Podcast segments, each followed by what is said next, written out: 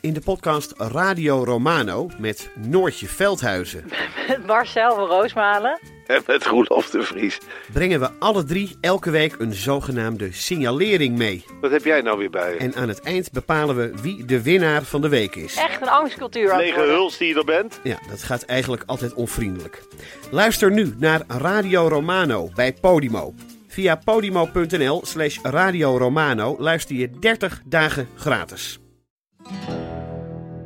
Je rijdt dus door een oorlogsgebied op een, op een vellig, terwijl het keihard regent en overal pikdonker wordt. Nee, we durven niet te stoppen. En je- eh, ja, eh, Joep is nooit bang. Joep Vermans, de kamerman, die was nu ook echt bang.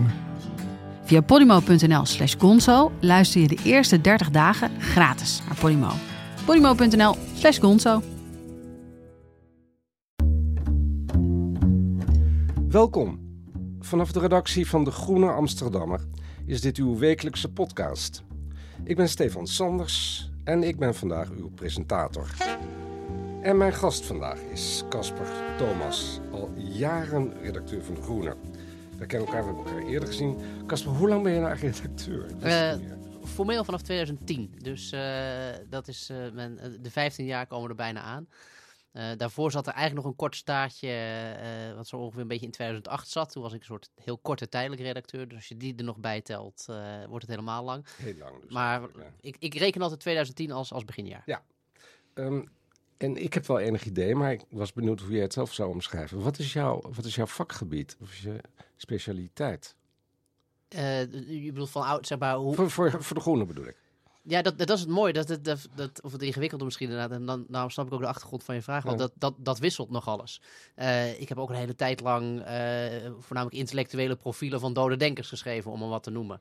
Eh, maar ik ben ook vijf jaar lang Amerika-correspondent geweest. En, ik, en ik heb nu bedacht, en dat kwam eigenlijk in aanloop naar, die, naar het thema waar we het nu gewoon over, over gaan hebben, ook de democratie in de wereld. Ehm, in Indonesië vroegen mensen van ja, wat is, je, wat is je functie? En toen heb ik af en toe gezegd dat ik Global Democracy Correspondent was. En Dat, was, vind ik wel heel goed klinken. Ja. Global Democracy Correspondent. Ja, het was een beetje pretentieus. Maar tegelijkertijd dacht ik, ja, dat is wel wat ik, waar ik momenteel het meest mee bezig ben. Met de staat van de democratie in de wereld in verschillende landen. Eh, dus, en dat, eh, dus ik dacht- nou, dat, dat, dat, dat als tijdelijke titel voor zolang als dat duurt. En er misschien weer ooit weer een ander portfolio komt, dan eh, hanteer ik dat wel. Nou, het is een goede aanleiding, want je schreef dat stuk, daarom zit je hier ook, over Indonesië. Een fascinerend reportageachtig stuk. Naar aanleiding van de verkiezingen die eh, 14 februari aanstaande daar plaatsvinden. Dat is over een week woensdag is het, hè? Woensdag fe- fe- 14 februari. En dat wil wat zeggen, want Indonesië is eh, volgens mij, of dat schrijf je ook, de derde grootste democratie ter wereld. Klopt. Nou, dat, dat is dus heel belangrijk. Ehm, wanneer was je er in, in? Ik ben net afgelopen vrijdag teruggekomen. Dus je bent nu, eh, nou... Een dag of wanneer- vier, vijf ben ik net terug. Dus dat was een, het was een hele intensieve eh, eh, reis van ongeveer twee weken. volop ingedoken. Dus ik ben nog een beetje aan het, na, aan het nadreunen, zeg maar. Het is een fascinerend stuk in het zeiken, omdat je... Er komen heel veel namen in voor. Eh, eh, voor ons, voor Nederlanders, eh, van een zekere leeftijd. Ik bedoel, als je heel oud bent, misschien weer wel. Maar, in, in, zeg maar als je de tussenleeftijd hebt, dat je nooit Nederlands-Indië hebt meegemaakt. Nou, dat, we dat heeft bijna niemand meer.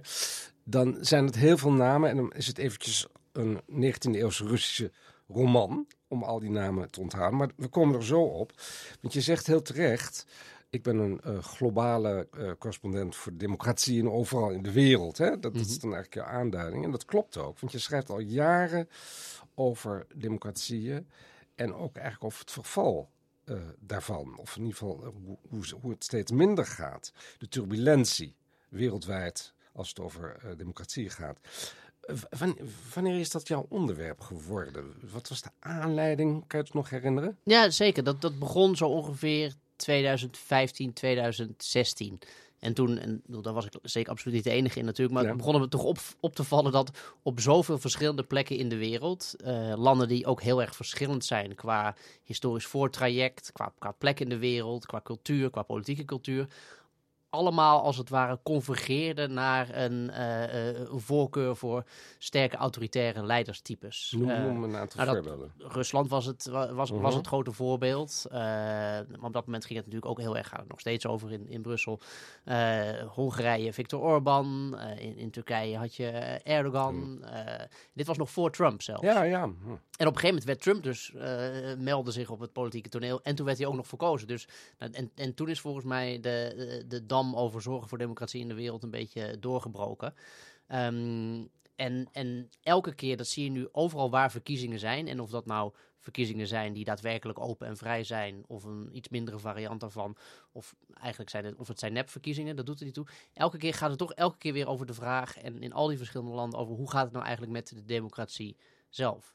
Dus als je een beetje uitzoomt en eh, de, de brede blik op de wereld werpt, dan zie je een beetje dat de vraag wat is democratie, wat verstaan we eronder, wat is de invulling daarvan en hoe gezond is die, is eigenlijk telkens, telkens onderdeel van eh, het democratische spel zelf. Ja. En dat is de tijd waarin we leven en dat geldt inmiddels zeker ook voor Nederland. Ik vind dat toch wel, de, de formatie is geklapt. Volgens mij is dat het nieuwsmoment eh, van de dag waar we allebei mee, mee, mee begonnen zijn.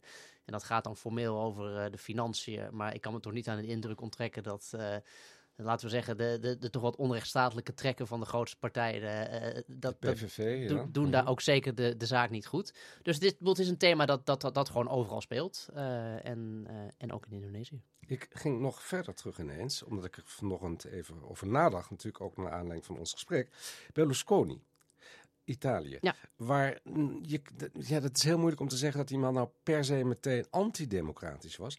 Maar hij heeft een soort luim, een soort ironie, een soort onernstigheid in het politieke spel gegooid. Wat sindsdien eindeloos is herhaald. Maar wat ook wel degelijk een aantasting is eh, van die democratie. Ja. ja, ik vind het heel goed dat je dat, dat, dat noemt. En dat is ei- eigenlijk is Berlusconi misschien wel degene die dit op een bepaalde manier heeft uitgevonden. Dat je de, de fun factor, het, het leuke, kijk mij eens een beetje, een beetje grappig zijn. En dan doe je dat op televisie. Tegenwoordig doe je dat misschien op sociale media. Trump doet het ook heel erg natuurlijk. En door, door zo onserieus als het ware op te treden en een beetje, een, beetje, een beetje geinig te doen. Het is ook een beetje een trek van een, beetje een soort oudere mannentrek, eh, denk ik. Ehm, leid je eigenlijk de aandacht af van een heleboel andere problematische zaken. En daarmee breng je de democratie dus inderdaad schade toe. Omdat je de, de entertainment gebruikt als een soort eh fairnesslaag over dingen die jij zelf doet of die anderen doen, die misschien wel helemaal niet door de beugel kunnen. Nou ja, in Nederland eh, hebben wij natuurlijk, of wij hebben, maar Thierry Baudet is, is niet een oude man per se, maar is wel iemand die altijd de ironie opzoekt en zich ook altijd kan ver- eh, verstoppen eh, bij zijn uitspraken van ja, maar nee, dat bedoelde ik heel anders. Ja, een soort spel inderdaad. Ja. Ja. En, en, en dat lijkt, het is een beetje Berlusconi-achtig. Trump heeft het ook altijd Ja. eh, gedaan. Er zijn meer voorbeelden van mensen Ja. die Maar Wilders doen. niet bijvoorbeeld. Die is, die is eigenlijk bloedernstig altijd. Daar zit geen, daar zit geen ja, ja, tegelijkertijd ging het over, over zijn kat natuurlijk. Maar in principe zit daar, daar zit Mhm. eh, bijna alleen maar ernst in. Eh, en, en kun je de vraag stellen, is het een gevaarlijker dan het ander? Of is het een erger dan het ander? Dat, dat, dat, is een, dat weet ik niet zo goed. Maar, maar een bepaalde manier, Rutte was eigenlijk degene die dingen weglachte ook weer bijvoorbeeld. Dus de, ja, het, is, wel een soort trend die, die door de politiek overal sluipt. Eh, als het maar een beetje fun is en een beetje luchtig, dan... eh, en de kiezers willen dat misschien vaak ook, want het is, het is natuurlijk lekker makkelijk. En, dan maken we het nog complexer, eh, de vraag is altijd, doet de pers daaraan mee of niet? Ja, en dat is een vraag aan onszelf. Zeker. Dus die moeten we ook beantwoorden. Daar komen we ook nog op. Ehm, ik ben ietsje ouder dan jij bent, maar 1989, de val van de, van de muur, van de Berlijnse muur, of van de, de, de grote muren door Europa, de val van het communisme in Europa. Dat was een ontiegelijke optimistische tijd als het over democratieën ging. En ik heb altijd het idee gehad, eh, democratieën en democratische ideeën zijn besmettelijk. Mhm. Dus dat steekt elkaar aan en dat, nou ja, dat wordt steeds groter. Dat is een beetje zo. Zie de Baltische Staten, hè, die, die wel ferme democratieën zijn geworden. Maar je, ziet- nou, je noemt het al, Hongarije. Polen heeft een hele turbulente periode achter de rug. Het is eigenlijk nog steeds niet helemaal duidelijk hoe democratisch en rechtsstatelijk het daar wordt. Slowakije heb je ineens weer een hele autoritaire leider. Heb, je, heb jij enig, ehm, ja, is het, is het, hoe, hoe heeft het Westen, ik zeg het maar even zo, dat democratische idee zo snel verspeeld? Ligt het aan het Westen? Of ligt het gewoon... Ja, ik weet het eigenlijk niet. Ja, dit, dit, dit is een, een hele grote vraag. En eigenlijk de, de grote vraag die ook de inzet is van, van dus inmiddels al jarenlang proberen te bestuderen hoe het, hoe het gaat met, met, met de democratie in de wereld op verschillende plekken. Want ik bedoel, ik ben ook, ik heb nog letterlijk bij wijze van spreken het staartje van dat Koude Oorlog optimisme meegekregen. Met het idee, de hele wereld wordt lekker een gezellige democratie. Maar op het moment dat daar stond bij mij, toen ik dat idee als het ware van het eerst aangereikt kreeg, stond daar meteen al een heleboel kanttekeningen bij. Van uh, zo gaat het waarschijnlijk dus helemaal niet. Nou, uh, en, en, en dus geschieden. Um, en het, het, waarom die vraag dus zo moeilijk is, is omdat je kunt geen antwoord geven. Iedere plek heeft weer een beetje een eigen antwoord op de vraag. Snap je? Ik bedoel, waarom heeft het, het, het, het het, het westers-liberale model uh, onvoldoende voet aan de grond gekregen in Rusland, is een, heeft een ander antwoord dan waarom het in Amerika uh, een beetje verkwanseld wordt. En um, ik, ik, denk ook dat er, dat er bijna niemand is die een, een sluitend antwoord op die vraag kan geven. Ook omdat we A, midden in het proces zitten. Uh, en B, wat ik zeg, de, de, de oorzaken gewoon heel erg, erg verschillend zijn. Dat gezegd hebbende, er, zijn, er zit wel, en dat is een soort maar dat is, daar begint de diagnose pas. Er zit toch een idee bij van, oh, dat, het is een beetje, hoe heet het dan in het Engels zeg je altijd, for granted genomen. Uh, wat is het, voor, voor kennisgeving aangenomen, zeg je dat goed, goed Nederlands? Vanzelfsprekend. Vanzelfsprekend geacht, nou, inderdaad. En dat, uh, daar, bedoel, daar is het begonnen. Zodra je iets vanzelfsprekend acht, uh, wordt het kwetsbaar natuurlijk. En dat geldt dan ook zeker voor West-Europa, voor het oude West-Europa, waar die democratieën natuurlijk na 45 ja, eigenlijk zo logisch en gewoon zijn geworden. Dat we soms vergeten dat het niet zo gewoon was. Ja, en, en die historische ervaring die, die verdwijnt natuurlijk naarmate je uh, verder in de tijd komt. Uh, maar er is momenteel dus een historische ervaring gaande van, van democratie onder druk. Uh, alleen de vraag is, gaat dat mensen voldoende wakker schudden? Dat, dat, dat, dat is nog maar de vraag. Goed, en vanaf dat moment en vanaf dat punt kun je dus honderd andere verklaringen. Je kunt het over economie gaan hebben, dat er toch grote groepen kiezers zijn, of dat nou in het Westen is of ergens anders, die vinden dat de democratie zoals die bedacht is onvoldoende voor hen levert. En dat kan onvoldoende leveren in materiële zin zijn, maar dat kan ook in culturele of identitaire zin zijn, onvoldoende levert. Uh, er kan ook een soort, uh, wat ik zeg, een soort gemakzucht in zitten van, goh, uh, veel, veel Trump-stemmers, zeker de eerste keer dachten, ah, weet je, we, we, delen gewoon eens een keer even een trap uit om even een punt te maken. Uh, maar als je dat een paar keer doet, is dat op een gegeven moment de, de, de nieuwe realiteit. Dus je, dat... je hebt soms ook wel eens het idee, althans dat heb ik, dat bij de laatste verkiezingen in Nederland, die heel vele Wildersstemmers ook niet geheel vrij waren van een zekere consternatie. We gaan het gewoon doen. Ja, zeker. We gaan en het dat, gewoon doen, eens kijken en dat, dat uitpakt. Ja, en die, die, die stemmers heb je al lang gehad. Maar op een gegeven moment, mijn indruk was ook dat, dat Wilders, die kiezersgroep, wel, dat die wat, weer wat kleiner aan het worden was. Want bedoel, Wilders is er al heel lang. En op een gegeven moment uh, is je proteststem als het ware wel, wel, wel een keer gegeven. Um, maar wat we, maar dit en, en ik vind eigenlijk, daar kunnen, zouden we misschien zelfs in de Groen ook nog steeds weer meer over kunnen schrijven. De echte, de, de uiteindelijke diagnose van wat is er nou precies in Nederland gebeurd, ik, is mij ook nog steeds niet helemaal helder. Um, maar wat er wel bij zit, is uh, dat het ineens kon. Dat het ineens een soort salonvege optie begon te worden. Dat heeft toch ook heel veel mensen over de streep ja, getrokken. Het, het taboe was verdwenen. Ja. En er is natuurlijk, als je verder uitzoomt, in de grote wereld, je noemt al Rusland, maar zeker China, is natuurlijk een voorbeeld van een, een volkomen ondemocratisch bestel. Wat wel heel veel welvaart weet te genereren. En dus ook een welvaartssprong voor heel veel bewoners. En er zijn er ontzettend veel in China. En die combinatie, dus autoritair bestuur, wel welvaartsvergroting, dat lijkt een soort gouden, gouden greep te ja. Tot, totdat de vraag, en, en, en de welvaartsverbetering voor China is, is, aan het af, is flink aan het afremmen. En dan is de vraag, uh, uh, blijft dat model staan? Ik las een, een klein zijsprong, ik ben geen China-kenner, maar ik las een erg interessante column in de New York Times van Ross Douthat, een van de columnisten van die krant. Uh, die het had over China en die eigenlijk een, een, een, een, een, een, een Chinees aanhaalde die, veel, die een soort jaarlijkse brief schrijft over hoe gaat het met het land. En hij doet dat vanuit het buitenland, hij is ook anoniem. Maar het wordt toch altijd soort gezien als een soort staat van het land analyse. En die gingen heel erg over dat, dat wie, wie jong is en wat, wat wil en wat kan in China toch echt weg probeert te komen op dit moment. Uh, en dat is natuurlijk altijd heel veelzeggend. Als een land zijn eigen uh, toekomst niet meer kan behouden, dan, uh, dan, dan gaat het slecht. Dat is een heel veeg teken. Nu naar Indonesië, ja, hè, de aanleiding ja. van het stuk. En het verhaal begint prachtig. Het begint namelijk whoosh. Ja, Wat is dat? Whoosh. Whoosh, whoosh is de, het bruggetje naar China trouwens, want de trein, het is de naam van een trein, de Whoosh, hogesnelheidslijn van, uh, van Jakarta naar, naar, naar Bandung. Uh, eh, die, die is aangelegd. eh, hij rijdt pas sinds een paar maanden. En het is gewoon een, een super chique eh, hogesnelheidstrein. Slanke locomotief. eh nou, de, de Thalys eh, steekt er eh, schaaltjes bij af. Heb je erin gezeten? Ja, zeker. En Eh, eh, dat, even kijken. Van Jakarta Bandung, dat is... Nou, wat dat dan? 300 kilometer Ja, of zo? zoiets een paar honderd kilometer. Ja, en, mhm. en normaal was het een boemeltreintje eh, die er lang over deed. En het heeft natuurlijk ook, we hadden het net even over Nederlands-Indië, daar gaat het stuk verder helemaal niet over. Ook omdat het daar in, in Indonesië gaat het daar ook vrij weinig over trouwens. Eh, ehm, maar goed, het is toch een soort magische eh, namen zijn dat meteen al. Ja. Van Jakarta naar Bandung. Dat is dat, hallo Bandung. Hallo Bandung. ja, nou, daar, daar gaan we. Ehm, dus dat was hallo Bandung, maar dan in 30 minuten. En dat is allemaal het werk, die, die enorme snelheidstrein bijvoorbeeld, van de president, de zittende president Joko Widodo. Ja, of Jokowi, zo ieder- mag iedereen hem noemen volgens mij. Hoe? Dat is een samentrekking. Ja, de samentrekking. Ja, dus eigenlijk, ja, iedereen. Jokowi. Ja, volgens mij zegt iedereen eh, vriend en vijand, eh, eh, noemt hem zo. Want dit is de man van de grote infrastructurele projecten. Tien jaar aan de macht geweest. eh, echt een economische transformatie van, van Indonesië eh, tot stand gebracht. eh, ik, enorme ook economische, economische groei geweest. Rond de 5% per jaar. Nou, hou dat maar eens lang vol. Tijdens COVID ging het wat minder. Mhm.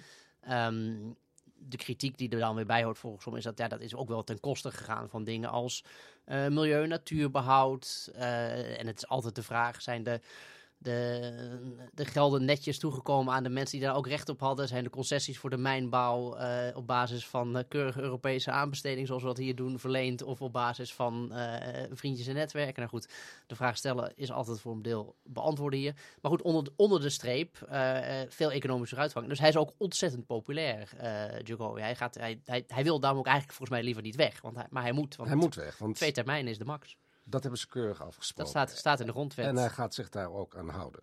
Ja, maar wel schoorvoetend. Eh, op een gegeven moment was er sprake van, en dat, dat, was, dat merk je dat zijn kabinet was het een beetje aan het aftasten. Van, hey, kunnen we niet misschien toch een, een, een derde termijn? Weet je, gewoon, want het gaat zo lekker. Eh, even een beetje de, de vinger in het water, de teen in het water steken. Daar, daar werd onmiddellijk van gezegd, ook al door jurist, van ja, luister eens, daar, daar gaan we niet aan beginnen. Toen is er ook nog gezegd van ja, misschien moeten we anders gewoon de verkiezingen uitstellen. Want die COVID-jaar, toch, het was twee jaar lang, eh, ja, eh, schoot het allemaal niet zo op met dat beleid maken. Dus die, Trump zei trouwens hetzelfde. Ja, COVID telde niet. Dus ik mag nu wat langer aanblijven. Nou, gebeurde ook niet. Dus hij, hij gaat echt weg. Hij moet echt weg. Eh eer dat het alle ceremonies en, en overdrachten geweest zijn, dan is het alweer het najaar volgens mij. Maar het tijdperk Jokowi, en dat was echt een tijdperk, komt tot een einde. 14 februari zijn die verkiezingen. Ja. Er zijn twee of drie, nee, drie tegenstrevers, hè, of drie kandidaten. Ja. Zal ik het maar, maar even een opfriscursus. Want het is toch even lang geleden dat Nederland veel met Indonesië te maken had. Althans, Ja. in koloniale zin. Nu heeft, hebben we dat in, gewoon in multilaterale zin. Even de geschiedenis door. Sukarno. Ja. Dat was De, de- laten we zeggen, de, de, de founding father van een, een, een, een, een, vrij en eh, onafhankelijk Indonesië. En die heeft er een lijn met, eh, die heeft een dochter, Megawati, Ja, Megawati Sukarno. die nog steeds ook een rol speelt in Die de... een beetje de grande dame van de, eh, de Indonesische eh, politiek is. Eh, zij zit bij een, een, een partij die eigenlijk weer aan de basis stond van de, laten we zeggen, het huidige vrije en, en democratische Indonesië. zoals dat in 1998 gestalte kreeg. Ehm, en zij, wat ik zeg, zij is een beetje de matriarch van de, van, van de Indo- Indonesische politiek. En heeft destijds ook Jokowi als het ware eh, eh, getipt. Zo van, luister, dit, dit, dit is de man die het, die het, die het gaat doen. Jokowi, de huidige president. De huidige en president. dan even in die tussenperiode tussen Sukarno en zeg maar, de, de huidige democratie zit Suharto. En dit is dus het ingewikkelde. Je moet dit soort stukken goed lezen, inderdaad, voor de, wat minder ingevoerde, omdat namen inderdaad in ieder geval bijvoorbeeld op elkaar lijken.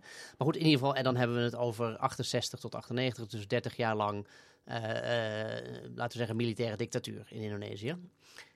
En dan komt het, eh, weet ik niet trouwens, dat hangt ook van je vraag natuurlijk. Maar eh, ik weet niet of je naar de, de, de, de, de Ja, mogelijke opvolgers wil ja, van... precies. eh, Want kijk, die Jokowi doet het heel goed. De huidige president, althans, hij is heel populair, laat ik het Ja. zo zeggen. Maar hij kan dus niet blijven. Nu is er wel een kandidaat die hij steunt, die zijn steun geniet. En dat is Prabowo Subianto. Ja. Als ik het goed heb. En voor de mensen die de politiek in Indonesië eh, redelijk of goed gevolgd hebben de afgelopen jaren, is dit een bekende naam. Want eh, eh, deze Prabowo is huidige minister van Defensie, maar was weer een militair commandant onder het regime van Suharto. Dus onder de dictatuur, een militaire Juist, ja. dictatuur. En dus dat heeft- lijkt me niet zo gunstig. Nou ja, dat, is, dat kleeft ook nog wel aan hem. Maar hij is toch een beetje door de wasstraat gegaan. Het, en hij, het, het, het saillant is ook nog eens een keer dat hij is tweemaal de tegenstrever van Jokowi geweest. Hij heeft Eh, twee keer tegen Jokowi opgenomen, tegen de huidige president, verloren. verloren. En nu wordt hij eigenlijk geduwd door Jokowi, de huidige president, om Ja. te winnen. Ja, en dat is dus, dus ik, ik vergelijk het wel als het is een soort Shakespeareaanse politiek die daar plaatsvindt. Hè. Oude vijanden worden in één keer weer vrienden en bondgenoten en eh, eh, allianties worden gesmeed of weer verbroken. Nou ja, dat, dat, al dat soort dingen. Eh, en de uitkomst daarvan is dus dat deze oud-generaal met een, een zeer omstreden verleden, want zijn positie onder dat, eh, onder dat autoritaire regime eh, worden hem dingen van weten dat hij dingen, eh, mensenrechten schendingen, ontvoeringen en kidnappingen van de anti, voor pro-democratie activisten. Goed, een, een soort duister verleden.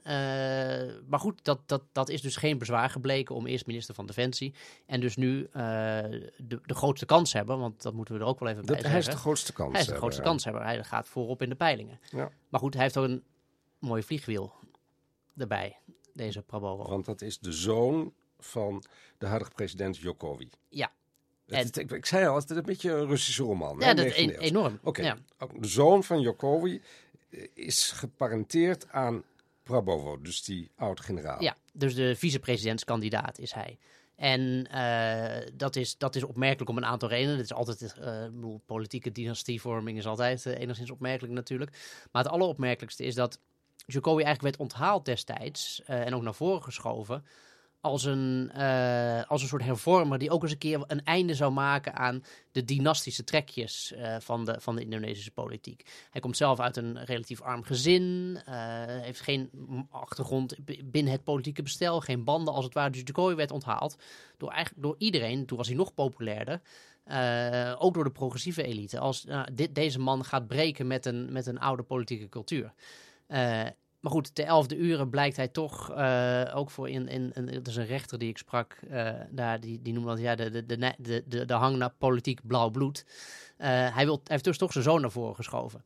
En die rechter die ik sprak, dat was de rechter die het vonnis heeft uitgesproken dat, of geoordeeld eigenlijk dat een andere rechter, een, een, een hoge rechter bij het Constitutioneel Hof, eh, zich ergens aan had vergrepen wat hij niet had mogen doen. Namelijk het tijdelijk verlagen van de leeftijdsgrens om te kunnen meedoen aan de verkiezingen als president of vicepresident. Wacht even. En dat gaat dan eigenlijk over die zoon van eh, Jokowi. Ja. Die zoon, die heet Ginjar. Want die was, die, was, ja. die was te jong of zo? Die Hij is, kon niet 36, meedoen? hij is 36, Ja. die moest 40 zijn. Die moest 40 zijn, ja. Ja. Zaak ingediend, gaat naar het constitutioneel, constitutioneel hof.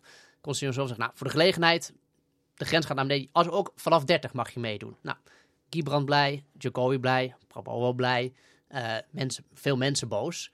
En wat bleek ook nog eens een keer, de rechter die dit vonnis uitsprak, was de oom van Gibran en dus de zwager van Jokowi.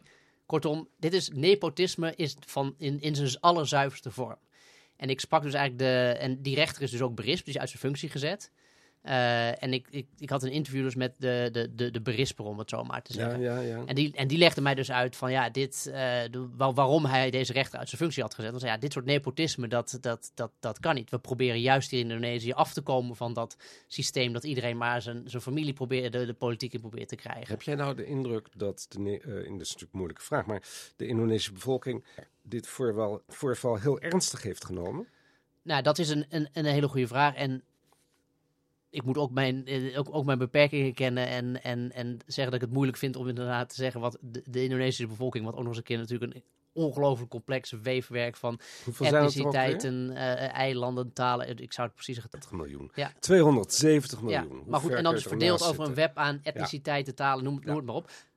Heel grof, schematisch, is de, de, de, de mensen die zich echt boos over maken, is toch een beetje de wat hoger opgeleide progressieve klasse van Indonesië. komen we bij een andere kandidaat die eh, dus eh, Jokowi wil opvolgen. Anis Baswedan. Ik weet niet of ik het Ja. goed uitspreek. Ja, voor mij is het Bas Willem, maar iedereen Bas zegt ook gewoon Anis. Anis. Dus Anis wij mogen ook Anis zeggen. Anis, goed. Die heb je ook gesproken? Ja. En wat is dat voor iemand? Dat is een, een, een interessant figuur. het- laten we zeggen, hij is een beetje de, type politicus dat we vanuit hier gezien wel het meest zouden herkennen. Eh, hij heeft in het buitenland in Amerika gestudeerd. Hij is eh, hoogleraar geweest, minister van Onderwijs. Zo'n beetje een hervormer. eh, enigszins bestudeerd. Dus gewoon, laten we dat een beetje een groene Amsterdammer eh, eh, type. Zullen, zullen, zullen we daarop houden? Ehm, tegelijkertijd, en hij is gouverneur van, van Jakarta geweest. Dat is altijd ook heel Dus vaak hij kan iets meer dan de Groene Amsterdammer. In die zin dat hij ook echt een hele grote stad kan. Zeker, Dus, ja, de, de, de bijna de hard op weg om de grootste stad van de wereld te worden. wereld, Jakarta. hè, ja. Ja, gaat enorm snel. Overigens is Jokowi ook gouverneur van Jakarta geweest. Een soort vaak handig opstapje voor het presidentschap is dat. Ehm, en, en Bas dan, behalve dat hij, en dat is dan weer interessant, behalve dat hij dus dit wat intellectuele eh, imago heeft en ook een competent bestuurder eh, wordt geacht, is het tegelijkertijd ook een, een, een politicus met hele diepe wortels in, eh, in de islamitische gemeenschap. En die is natuurlijk gigantisch groot in Indonesië. Ehm, hij heeft eigenlijk zijn kandidatuur of zijn, zijn winst voor dat gouverneurschap voor Jakarta destijds ook wel heeft te danken aan het feit dat ook met name de, de wat fundamentalistischere tak van, van de islam in, eh, in Indonesië zich eigenlijk een beetje achter hem had geschaard. Daar probeert hij zich nu weer te, van te distancieren. Dus het is ook iemand aan wie wel wat, eh, wat ingewikkeld ver- verleden kleeft. En hij neemt het dus nu op tegen, eh, tegen de oud-generaal Prabowo. Prabowo. Ja, en, en, En hij heeft dus een beetje het, het verhaal, zijn verhaal is een beetje: ik ben de kandidaat voor verandering. ik breek juist met de, de, de koers van Jokowi, stem op mij en red daarmee ook de democratie in Indonesië. Want je hebt een prachtige kreet die je slaakt en die je eh, aanvankelijk als lezer niet begrijpt, maar je legt hem uit in je stuk. Wakando no more. Ja, ja dat, komt dus uit, dat komt uit Black Panther, een Amerikaanse Marvel superheldenfilm. Die op een of andere manier zijn, zijn, de, de slogan Wakanda heeft dan weer zijn intrede gedaan in het politieke eh campagnetaal van deze, deze Anis Baswedan. Eh, en dat zie je, en dat heeft er weer te Wat maken. is dat? Eh, Wakanda is zeg maar eh, heel kort een soort fictioneel eh, paradijs dat, dat, dat eventueel bedreigd wordt. Het punt is dat in Indonesië, in de online, in de online discours, in de slang, is Wakanda een soort synoniem geworden voor het land zelf. Maar dan eigenlijk dus weer in, in, in een soort negatieve zin. Werd- dystopische zin. ja, het werd heel kort gebruikt om, om, cen- om censuur te vermijden of vervolging eh, te vermijden wegens het leveren van kritiek op de overheid. Iets wat veel ook wel gebeurd is onder Jokowi. Eh, dus wat een, een slimme twitteraar dan deed, als er dan, laten we zeggen, Jokowi schuift zijn zoon naar voren. Dan zegt iemand op Twitter, eh, nou, dit is typisch eh, wat, eh, iets wat kan gebeuren in Wakanda. Waarbij Wakanda dus Indonesië moet betekenen. Ja, Dus, zo. maar als je ja. geen Indonesië zegt, dan kan niemand zeggen: ja, jij eh, beledigt de staat. Of je beledigt het staatshoofd. Of je. eh, dat, dus dat is Het is en een beetje Johnson molenaar. Johnson moordenaar, Hele goede Johnson molenaar. een hele Ja. goede vergelijking. Mhm. Dat is exact wat het is. Ja. En, de, en, en Anis, die dus een, beetje een professoraal figuur is en een, eh, en een eh, devoot eh, eh, eh, moslim, bedient zich net zo makkelijk van Amerikaanse popculturele slang. Maar hij heeft een heel jong campagneteam. Dat, dat, die hebben dit bedacht. Ik sprak die mensen, dat zijn, dat, die, die, die zijn jonger dan ik. Eh, en dat, die, die, die, zijn, dat ze, die weten gewoon een beetje wat er speelt in, in online Indonesië. En die hebben gewoon gezegd, weet je, dit moet jij gaan doen. Eh, Want het is nog iets wa- waar ik wel eh, van opkeek. Ongelooflijk sociaal media gebruik in eh, Indonesië. Ik bedoel, Ja. veel, nou, volgens mij veel meer dan in Nederland. Nou, dat was Veel dus mijn- belangrijker. ja, nee, ja, was, of viel mij dus ook op. eh, als je de cijfers daarna erbij haalt, gewoon de, de, de, de- het aantal mensen dat daadwerkelijk op Twitter zit of eh, andere sociale media gebruikt, ook echt om zich te informeren, is gigantisch groot. En eh, dat beseffen de politici natuurlijk allemaal. Dus die weten ook dat om die verkiezingen te winnen en om, om, om met name ook de strijd om de beeldvorming te winnen, dat je dat echt via die sociale media moet spelen. En in die zin denk ik, we, zijn misschien, we hadden het in het begin even over van, vanuit welke kant beweegt de democratische beweging welk deel van de wereld op. Ik denk dat we daar dat, dat Indonesië, en dit speelt bijvoorbeeld ook heel erg op de Filipijnen, dat Indonesië hierin voorloopt eigenlijk op, eh op dat er een trend zichtbaar is die, die wij nog gaan meemaken. Eh, en dit zijn bijna, dit worden een soort TikTok-verkiezingen. Want iedereen maakt TikTok-filmpjes eh, van wat hij zegt, doet en, eh, en, en meemaakt. Ehm, maar het, het, het, het zijn volledig gedigitaliseerde, ge- sociaal mediatiseerde verkiezingen geworden. Dus ja, snelle filmpjes. En ik moet nog even de derde kandidaat noemen. Ganja Pranowo. Ja. Wat is dat voor iemand? Dus een, een soort beetje, laten we zeggen, eh, man van het volk type. Eh, wat klassiekere bestuurder. Hij is weer gouverneur van Centraal Java geweest. Gaat ook al een tijdje mee in de politiek. Heeft een, een goede reputatie. Eh, en hij is weer de voorkeurskandidaat van de partij van, van Megawati. Dus de oude, oude machtspartij. Die, De, de oude Sukarno-lijn. Ja. Ja. Eh, en dat was eigenlijk de, de partij die dus oorspronkelijk Djokovic steunde. Om het allemaal wat simpeler te Ja, maken. maar Djokovic is dus weg bij zijn oude partij. Heeft meteen zijn eigen nieuwe partij opgericht. Gerund wordt door een andere zoon. Dat, dus ja, ja, ja, het gaat maar door. Ik bedoel, dat, eh, en dus, maar dat soort ruzies en intriges en, en wie hoort bij wie. En dan hoort die weer bij die en dan hoort die weer bij die. Dat, dat, dat, dat wisselt dus de hele tijd. Nou is het, ehm, je, je noemde het al even, eh, een van de grootste democratieën ter wereld, Indonesië. Maar het is het, het land met de meeste moslims ter wereld. Gewoon, ja, dat ook. Hoe, hoe belangrijk is de rol van religie in deze verkiezing bijvoorbeeld? Eh, nou, dat is dus het opmerkelijke. Ik, de, deze, mijn bezoek in Indonesië en, en, en, en dit verslag was ook voor een heel belangrijk deel mijn kennismaking met de politieke cultuur van het land en, en, en, en mijn echte verdieping erin. Ehm, ik wacht van tevoren, ook gelet op alle berichtgeving die we er over Indonesië de afgelopen jaren hebben gehad, of in de Groene Amsterdam of in andere Nederlandse media is geweest, dat het heel erg gaat over, eh, over de islam. En dan met name over het steeds strenger worden, eh, de opkomst van het hoofddoekje, eh, de bouw van de moskeeën in, in de kleine dorpjes met, met Saoedisch geld, al dat soort dingen. Dus ik dacht, ik, dat, dat is waar het voor een belangrijk deel over gaat. Maar het gaat er nauwelijks over deze verkiezingen. En dat was voor mij opmerkelijk. Eh, ik denk dat het ook voor Indonesië zelf wel opmerkelijk is. Want bij vorige verkiezingen ging het er wel altijd over. was ook een soort test altijd. Is de kandidaat voldoende devoot? Is het voldoende eh, dat werd ook als kritiek wel eens op Djokovic geuit. Van ja, is dit wel een... eh, is hij wel zuiver genoeg in de geloofsleer? Al dat soort dingen. Daar gaat het dus nu niet zo heel erg over. En dus het is een beetje weggedrukt door andere onderwerpen. Eh, die familiepolitiek onder andere, eh, de, het onderwerp democratie zelf. Dus het staat niet op de voorgrond. Ehm, wat ik wat lastig vind om in te schatten. En ik heb daar natuurlijk wel naar gevraagd. En mensen zeggen, ja, het kan ook wel zomaar weer terugkomen. Het, is, het sluimert wel altijd onder de oppervlakte. En het ligt er eigenlijk aan dat er gewoon op dit moment geen kandidaat is die heeft bedacht... ik ga dit als, als, als campagnelijn voeren. Eh, de positie van islam en de strijd daarover en de invulling daarvan... ga ik gebruiken om mijn, mijn tegenstander te disqualificeren... of mezelf positief aan te prijzen. Die dynamiek is deze verkiezingen gewoon niet ontstaan. Nou, zijn er, die uitslag is er 14 februari van die verkiezingen. Ja. Eh, ehm, is dan ook meteen duidelijk wie de opvolger is van de president van Jokowi? Nou, die, die dag zelf eh, weten we in ieder geval wie eh, het meeste stemmen Ja. eh, zal halen. Mhm. Als alles goed gaat en alles netjes geteld Ja, wordt, mhm. is ook altijd een, is, is, is, is een vraagstuk. Ehm, maar de grote vraag is, haalt eh Prabowo samen met de, de, generaal. Gibran, de generaal, samen met de, de, de, de zoon van de huidige Mhm. president, halen die meer dan 50%, dan is het in één keer klaar. Dan is de nieuwe president van Indonesië de oud-minister van Defensie van de vorige, plus, zijn, eh, zijn, eh, de, plus de zoon. Ja. Halen ze minder dan 50% en in de peilingen schommelt het de hele tijd daar een beetje rond, daar, daar rondomheen, dan komt er een tweede ronde. En dan moeten Anis en, eh, en, en, en Ganja moeten dan kijken, goh, eh, ruimt een van ons het veld? Slaan wij de handen in één? Want zij verdelen eigenlijk die andere helft Ja. momenteel onder zich. Dus ehm, ik, ik sta natuurlijk formeel neutraal tegenover de uitkomsten van, van, van de verkiezingen. Mocht het zo zijn dat het eh, uiteindelijk niet eh, eh, de generaal wordt en, en, en Anis Baswe dan wordt uiteindelijk de president, dan heb ik in ieder geval de aankomende president geïnterviewd. Maar goed, ik, ik verwacht eerlijk gezegd niet dat dat gaat gebeuren. Die, dus, maar goed, het wordt wel spannend. En die tweede ronde, daar maken mensen zich wel zorgen over. Want het is tot nu toe een vrij zachte campagne geweest. Mensen hebben elkaar niet eh, heel erg zwart gemaakt. Eh, alleen, maar, dat, maar op het moment dat er een tweede ronde komt, dan wordt de, de, wordt de inzet gewoon groter. Ja, dan wordt wordt, wordt de strijd harder. En dan krijg je alles wat daar weer bij hoort. Dan kan die identitaire politiek weer opspelen. Dan kan die rol van het geloof weer gaan spelen. Dan kun je weer rellen in de straten krijgen. Dus er is wel zorgen over wat een tweede ronde betekent.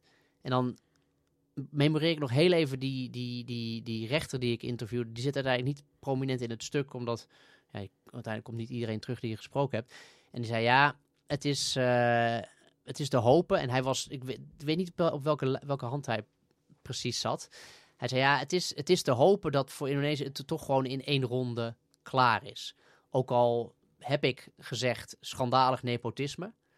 En, ehm, hij en, ik, en hij hintte erop en toen dacht ik, oké, dit, dit is dus een beetje het type spelletjes dat er wordt gespeeld. Hij zei, ja, het is heel vervelend dat, uh, dat dit gebeurd is, dat hij zo naar voren geschoven is. En ik heb deze rechter dus daarvoor uit zijn functie moeten zetten. Het voordeel is dat deze rechter daar dan straks niet meer zit als er over de uitslag gedebatteerd wordt. En dan een vonnis moet gaan voeren. Dus, dat, dus dan, want dan zouden de zwager van de huidige president en de oom van de aankomend vicepresident zou gevonnist hebben over de verkiezingsuitslag als daar twijfel over is. Dus ik vermoed zeg maar, dat, er, dat dit soort machinaties allemaal zeg maar, zijn uitgedacht. Dat was wel een beetje de suggestie. Um, dus we gaan het zien. Het, is, het wordt uh, hoe dan ook enigszins een family affair. Dat is het, dat is een het dus- enorme grote Indonesische Is het, is het altijd. Ja. Dankjewel, Casper Thomas. Heel graag gedaan. Verder, in deze groene een coververhaal over het succes van de energietransitie. De grootste partij in ons parlement wil het klimaatbeleid door de shredder halen, zoals dat dan heet. Maar de stroom, opgewekt door zon en wind, blijft maar goedkoper worden. Deze ontwikkeling stoppen is dan economische zelfsabotage. En een Vlaams-Nederlands onderzoek naar extreemrechtse vechtsportclubs. Hier bereiden witte fitboys zich voor op de strijd die ze verwachten. Een warm bad gevuld met, ja, toch een soort fascisme. Dat en meer in de Groene van deze week. En voor een proefabonnement ga naar groene.nl. Volgende week zijn we er weer met een nieuwe podcast met analyses en achtergronden bij nieuws en bij essays. Deze week werd de podcast gemaakt door Boye Bogaert, Ben Woltrini en Stefan Sanders. Tot de volgende podcast.